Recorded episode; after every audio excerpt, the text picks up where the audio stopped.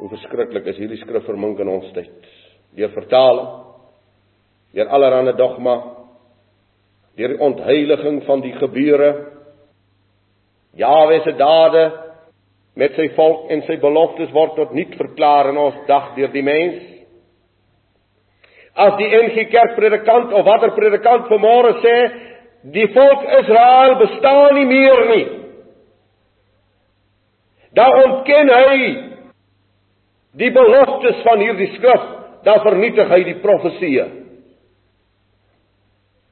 As enige predikant vanmôre verklaar daar is geen teks in die Bybel teen 'n gemengde huwelik nie, dan vernietig hy die skrif. As enige predikant vanmôre op hierdie aarde sê ons is almal uit Adam gebore as jy op jou voete rondloop, dan vernietig hy die skrif. As dit soos in Stellenbosch vir die jong studente al gesê word wat predikante word, nee, die die verhaaltjie van Adam en Eva is 'n mite, julle moenie sulke goed glo nie. En dan gaan hulle aan, hulle nog dinge uit, dan sê hulle dis 'n mite, dis 'n mite. Dit moet uit uit die skrif uit.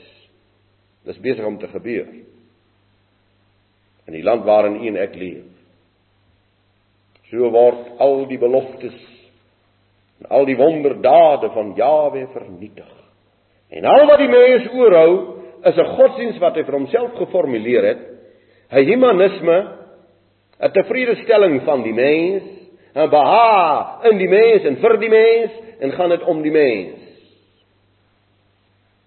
En die godsdiens word omgekeer en dis 'n diens van God aan die mens in plaas van 'n diens van die mens aan God. En die volgende pragtige Hy sê julle het my naam nie verloon nie. Geliefdes, as daar 'n heerlike waarheid is wat tot ons gekom het, dan is dit dat u en ek kon terugkeer in die gebruik van die naam van ons Vader. Hierdie naam wat deur die tyd totaal wegvertaal is.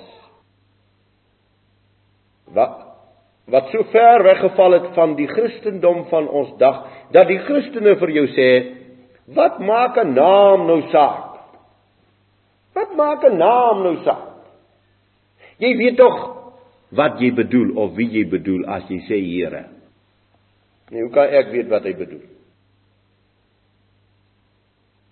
So ver verval dat hulle sê God se naam maak nie meer saak nie. En loop hier in hierdie dorp en dan gaan praat jy met hulle daaroor, dan hoor jy wat sê hulle. Wat maak 'n naam saak? En wat staan in die Bybel? Wat staan in hierdie waarheidsboek geskrywe? Geliefdes, u wat vanmôre hier sit en u wat na hierdie band sal luister, u moet Jawe loof en prys dag vir dag vir hierdie waarheid wat teruggeskryf is in jou en my hart en in ons verstand. Hy sê dis my gedenknaam vir ewig en vir altoos van geslag tot geslag. Gaan lees Eksodus 3. Gaan lees Eksodus 6. Gaan lees verder deur die Bybel wat sê van sy naam. Daar kan baie in hierdie wêreld wees wat Jesus genoem word. Maar daar kan net een wees wat Yeshua genoem word. Daar kan baie wees wat verlossers genoem word, maar daar's net een wat Jahwe is verlosser genoem word.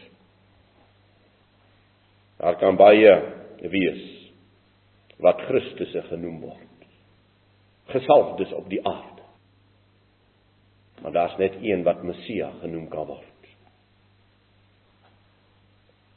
Daar kan baie gode en goeie name geskrywe word, maar daar is een wat hom aan Israel openbaar het as Jahwe.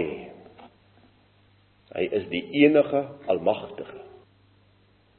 Hy wat vir sy disippels wanneer hulle so graag wil korrek leer bid. Beginne om vir hulle te leer. Hulle moet bid: "Laat U naam geheilig word." Dit staan voorop in die gebed. Dit staan voorop in aanbidding. Laat U naam geheilig word. U en my belydenis is vanmôre wat? Wat bely ek? Ek bely Yeshua. Ek bely die naam Ek het nie sy persoon hier by my om te is bekend te stel nie. Ek het sy naam om bekend te stel. Ek bely sy naam. Ons aanbidding, ons krag, ons beskutting is sy naam. As ons gedoop word, word ons in sy naam gedoop.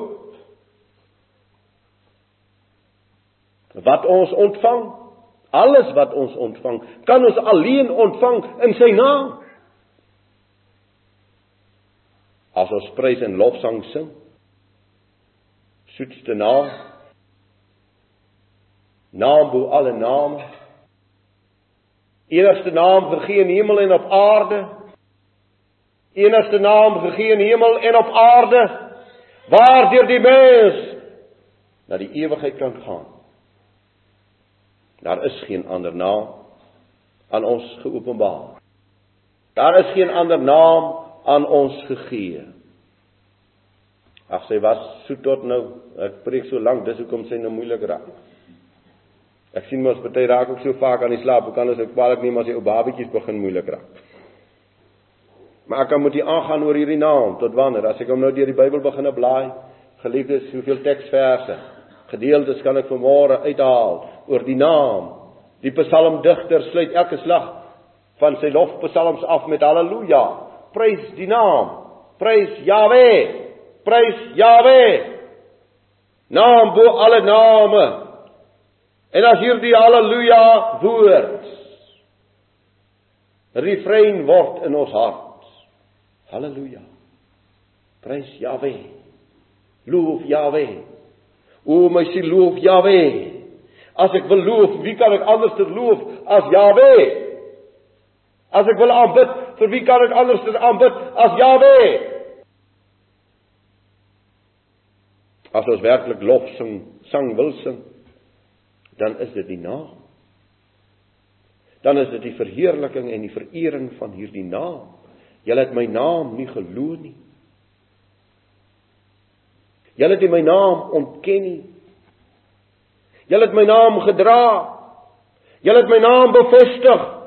Julle het my naam verheerlik. Dis waarom dit gaan. Ons ganse aanbidding geliefdes, ons ganse belydenis is die naam. Wat 'n tragedie as 'n sekere kerk in hierdie land in sy synode kla.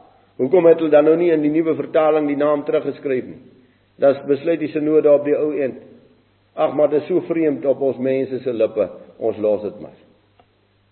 sien daai soort, die waarheid het vreemd geword. Die naam van ons Vader het vreemd geword vir sy volk. En ek kom sê in die Nuwe Testament, ek het weer die Vader se naam aan julle kom openbaar. Prys sy naam vermoor dat u en ek sy naam mag ken in hierdie wêreld. Amen.